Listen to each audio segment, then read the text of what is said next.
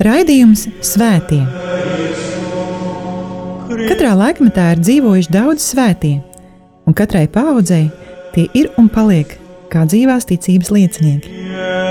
Mocekļi, apliecinātāji, vīri un sievas, jaunieši un bērni. Svētie ir tik dažādi, gluži kā mēs, bet ir kāda īpašība, kura visus svētos vieno. Viņi mīlēja, mīlēja Dievu un cilvēkus. Raidījums par svētījumiem ir stāstījums par Dieva mīlestības reālo klātbūtni mūsu dzīvē. Santa Trinitas unos Deus, miserere Santa Maria,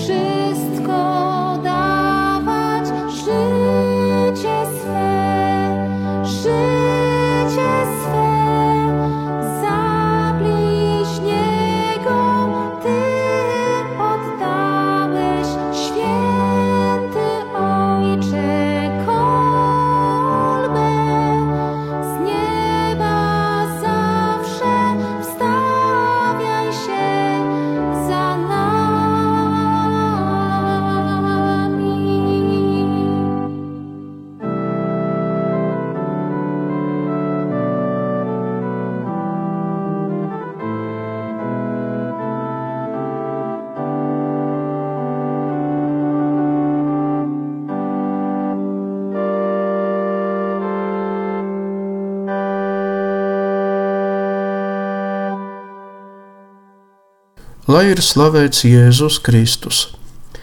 Cienījamie radījuma arī klausītāji, ētera skan raidījums par visiem svētajiem, un pie mikrofona atkal esmu es, Priesteris Večeslavs. Šis raidījums ir veltīts vienam no pagājušā gadsimta svētajiem priesteriem un mocekļiem, par kuru daudzi no jums, cienījamie klausītāji, noteikti ir dzirdējuši vai lasījuši un tas ir Svētais Maksimilians Marija Kolbe, poļu izcelsmes priesteris, franciskaņu mūks un moceklis. Viņš piedzima 19. gadsimta beigās, 1894. gada 7. janvārī, Polijas pilsētā Zdunskas voļā. Vecāki savam bērnam kristībās deva vārdu Raimunds, jo 7. janvārī, saskaņā ar baznīcas kalendāru, tiek svinēta svētā Raimonda no Pentraforas priestera piemiņas diena. Raimonda vecāki bija dedzīgi katoļi no un savas valsts patrioti. Dzīvoja nabadzīgi, daudz un smagi strādāja.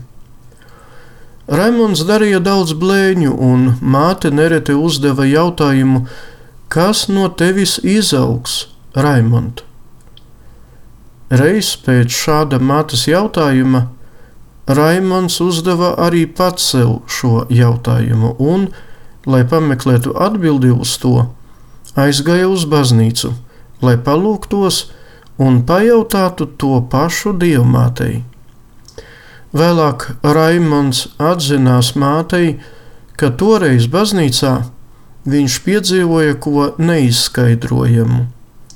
Viņš ieraudzīja jaunavu Mariju, kura savās rokās turēja divus kroņus - baltu, kas simbolizē šķīstību, un sarkanu, kas simbolizē moceklību. Dievmāte pajautāja, kuru kroni tu izvēlies? Raimans, jūtams, ka sirds tūlīt izleks ārā, atbildēja: Es izvēlos abus. Dievmāte uzsmaidīja, ļaujot noprast, ka akceptē šādu atbildi un nozuda. Vecāki, kaut arī viņi dzīvoja trūkumā, vēlējās saviem bērniem nodrošināt labu izglītību, tomēr uzreiz abiem saviem dēliem ļaut mācīties vienlaicīgi nevarēja. Pirmais izglītošanas ceļu iesāka Francisks, Raimonda vecākais brālis, bet Raimons palika mājās kopā ar vecākiem.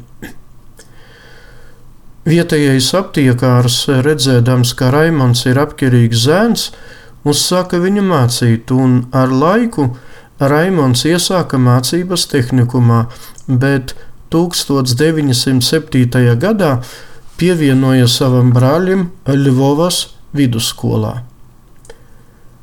Raimondam it īpaši patika matemātika un fizika, astronomija un viss, kas bija saistīts ar kosmosu. Viņš rasēja rakešu plānus. Vēlāk, kad jau mācījās Romā, viņš pat uzprojektēja kosmisku kuģi un mēģināja nopatentēt šo savu projektu. Kad konventuālie franciskāņi atvēra savu mazo garīgo semināru, gan Francisks, gan Raimons izteica vēlēšanos tajā iestāties. 1910. gada 4. septembrī Raimons ieģērbās franciskaņu habitā, mūka drēbēs, un pieņēma ordeņa vārdu Maksimilians. Novicijāta laikā jaunais mūks piedzīvoja daudzus pārbaudījumus, un bija pat brīži, kuros viņš domāja atstāt klosteri. Laicīgā pasaulē, pareizāk pateikt, zinātne mudināja viņu atteikties no garīdznieka ceļa. Neraugoties uz daudzām iekšējām cīņām, Maksimilians 1911. gada 5. septembrī salika savus pirmos svētsolījumus ordenī. Maksimilians tika aizsūtīts uz studijām Romā, kur 21 gada vecumā Viņš ieguva doktora grādu filozofijā un nedaudz vēlāk arī teoloģijā.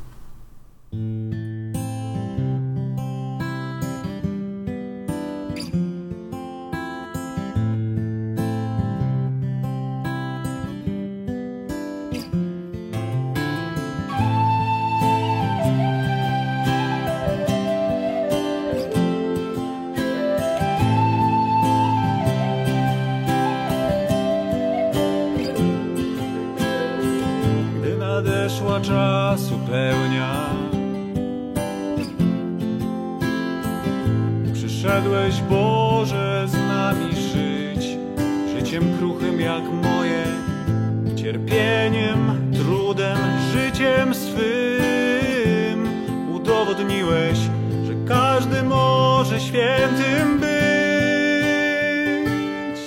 Chcę być święty za Tobą, Panie, pragnę iść, chcę być święty. Pokieruj Jezu życiem mym, chcę być święty.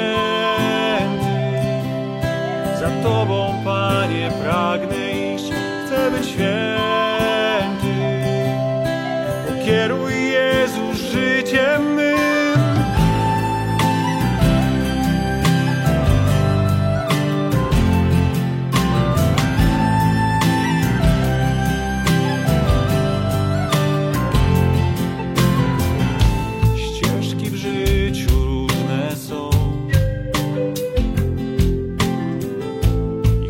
Chociaż nogi słabe wciąż, Jezu, ufam Ci, zabierz słabość, lęk i grzech i pozwól mi zobaczyć w niebie Twoją twarz.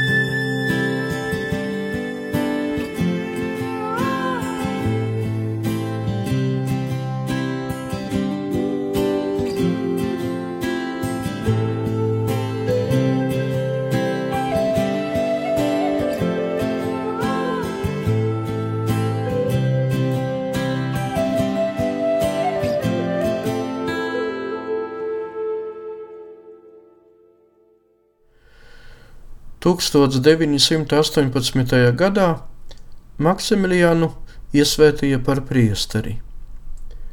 Nedaudz vēlāk vienam no saviem ordeņa jaunākajiem brāļiem tēvs Kolbe rakstīja: Par vienu no nāvi nesošām indēm mūsdienās ir vienaldzība. Šīs indes upurus var atrast ne tikai starp tiem, kuri dzīvo laicīgajā pasaulē, bet arī starp mūsu rindām. Un tā tas notiek, kaut arī kunga godību nevar ieslēgt kaut kādās robežās. Centīsimies tātad slavēt viņu no visiem saviem spēkiem. Jau toreiz tēvs Maksimilians skaidri redzēja savu misiju - cīnīties ar vienaldzību reliģiskajās lietās. Un, lai sasniegtu šo mērķi, Maksimilians nodibināja bezvainīgās bruņniecību. Kādreiz viņš bija dzirdējis, kā dzīvoja kādreizējais jūdu izcelsmes agnostiķis Alfons Ratisbonne. Viņš 19. gadsimta vidū piedzīvojis jaunavas Marijas vīziju, pieņēma kristību un kļuva par jezuītu, misionāru. Tēvs Kolbe atzina, ka ja jau jaunava Marija, lai pievērstu ticībai Alfonsu Ratis Bonne, izmantoja brīnumaino medaļonu, tad šis medaļons var kļūt par ideālu līdzekli, lai pievērstu ticībai citas dvēseles. Bezvainīgās bruņniecības programma bija vienkārša. Mērķis - iegūt pēc iespējas vairāk dvēseļu kristumu, visvētākās jaunavas Marijas aizbildniecības dēļ. Katrs bruņnieks uzticēja personīgi sevi jaunavai Marijai, šādi kļūstot par viņas rīku. Bezvainīgās bruņinieka pienākumā ietilpa darbs dvēseļu pestīšanas labā, it sevišķi, ja gāja runa par baznīcas ienaidniekiem.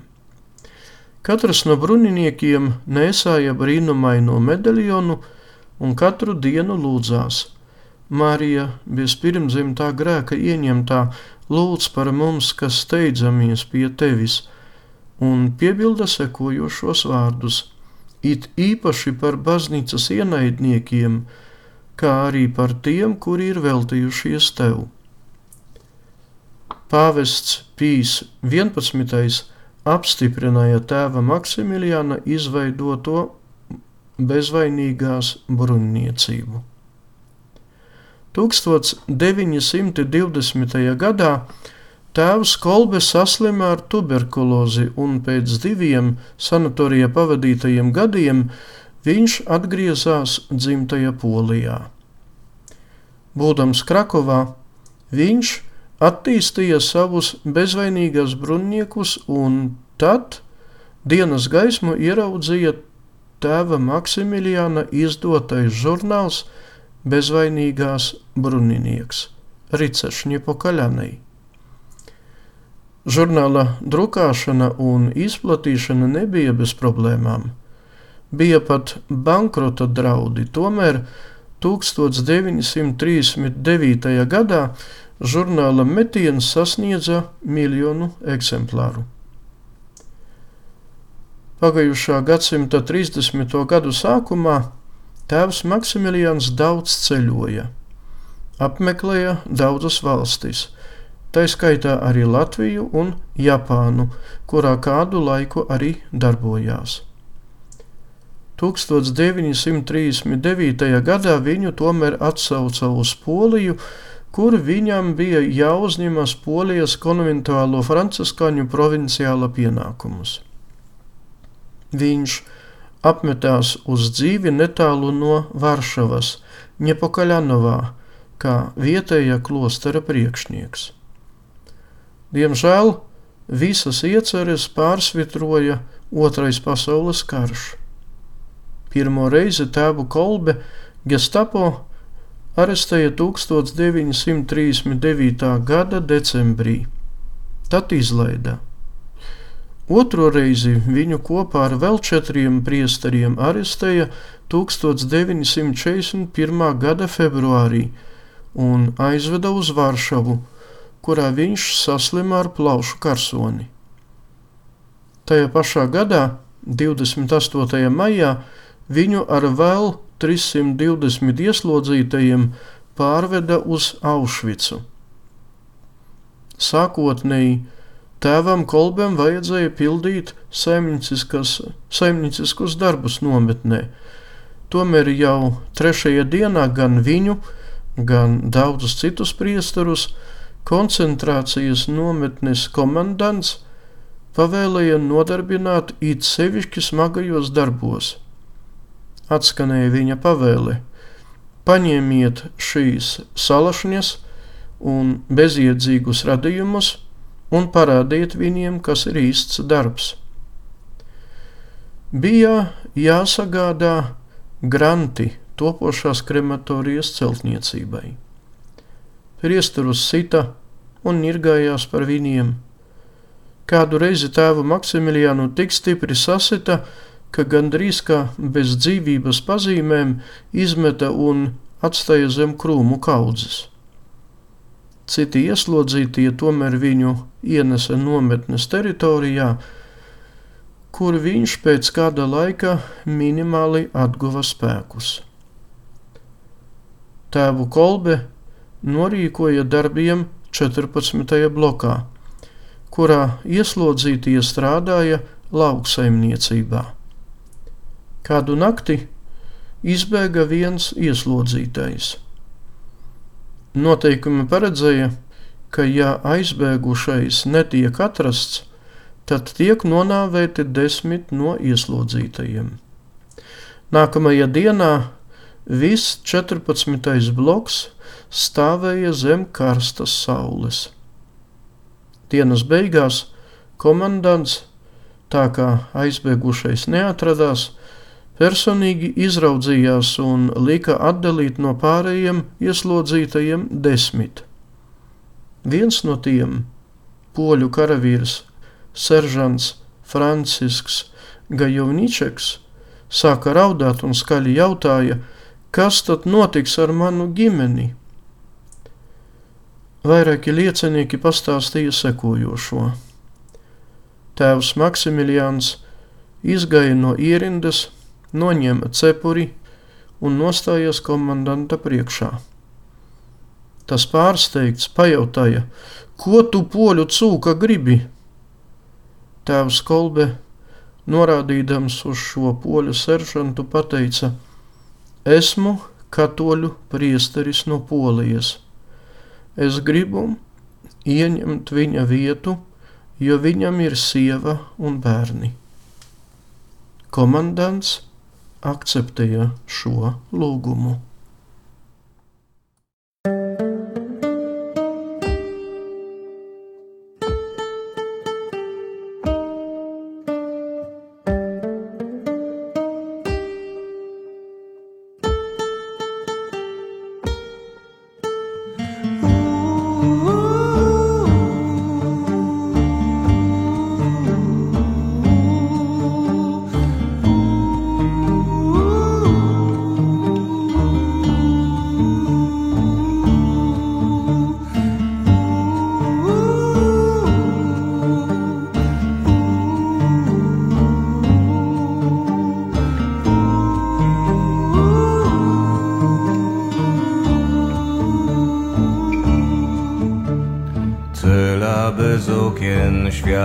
I pryczy, zimna i ciasna jak grób. Prostą modlitwę ktoś szepcze w ciszy, ona pokarmem na głód. Zamki zgrzytnęły, drzwi uchylone, w nich esesmanów dwóch. Jeden z nich rzuca szyderczym tonem. Dzisiaj zdechniecie tu. A ojciec Kolbe nie mówi nic. Patrzy tylko z czułością Bo wrogi uśmiech znika w mig. W zderzeniu z czystą miłością A ojciec Kolbe nie mówi nic Milczenie mówi za niego, bo ono rozbraja wrogów w mig, w miłość zamienia przemoc.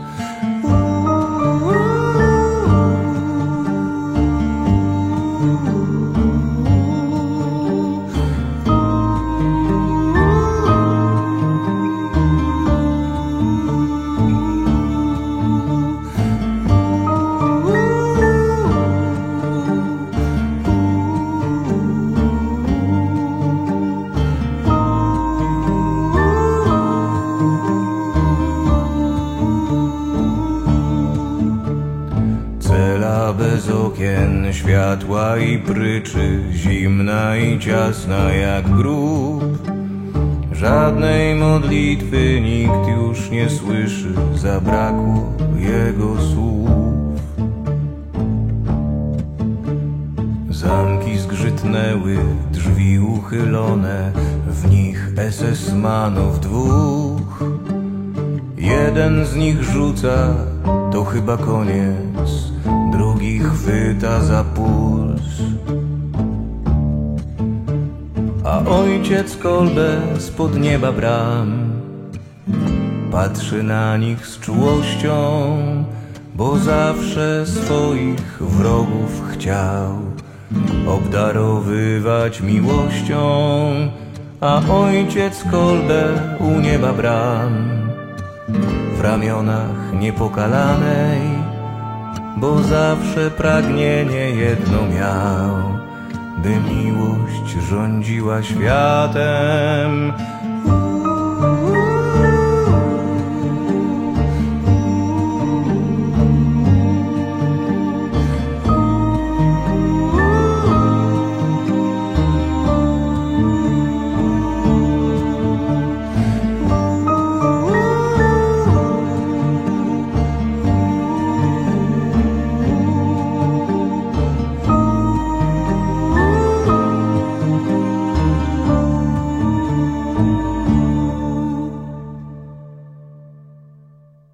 Kopā ar vēl deviņiem ieslodzītajiem tēvs Maksimilians iegāja bunkurā, kurā bija paredzēts nomērdēt tos badenāvē.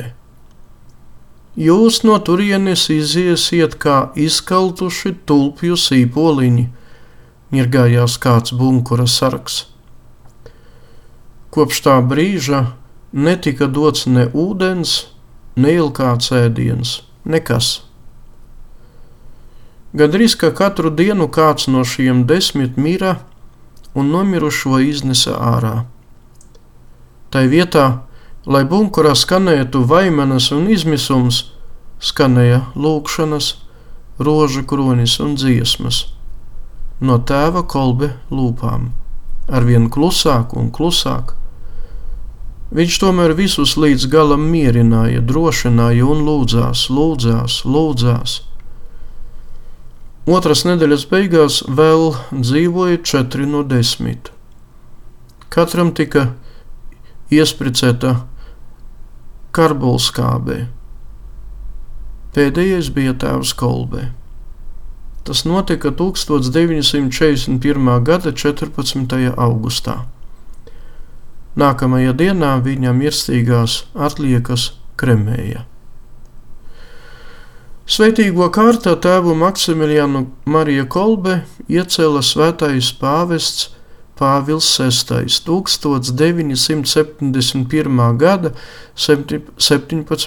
oktobrī, bet 1982. gada 10. oktobrī cits pāvests, Svētais Jānis Pāvils II, iecēla viņu svēto kārtā. Tas šoreiz ir viss. Liels paldies par uzmanību! lai ir slavēts Jēzus Kristus.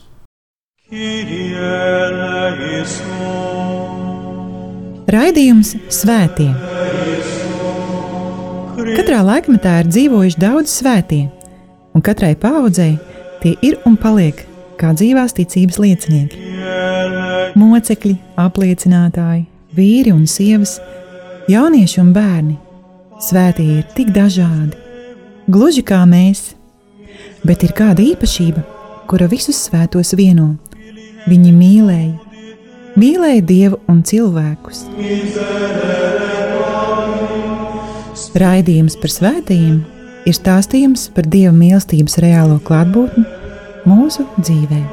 Santa Trinitas unos Deus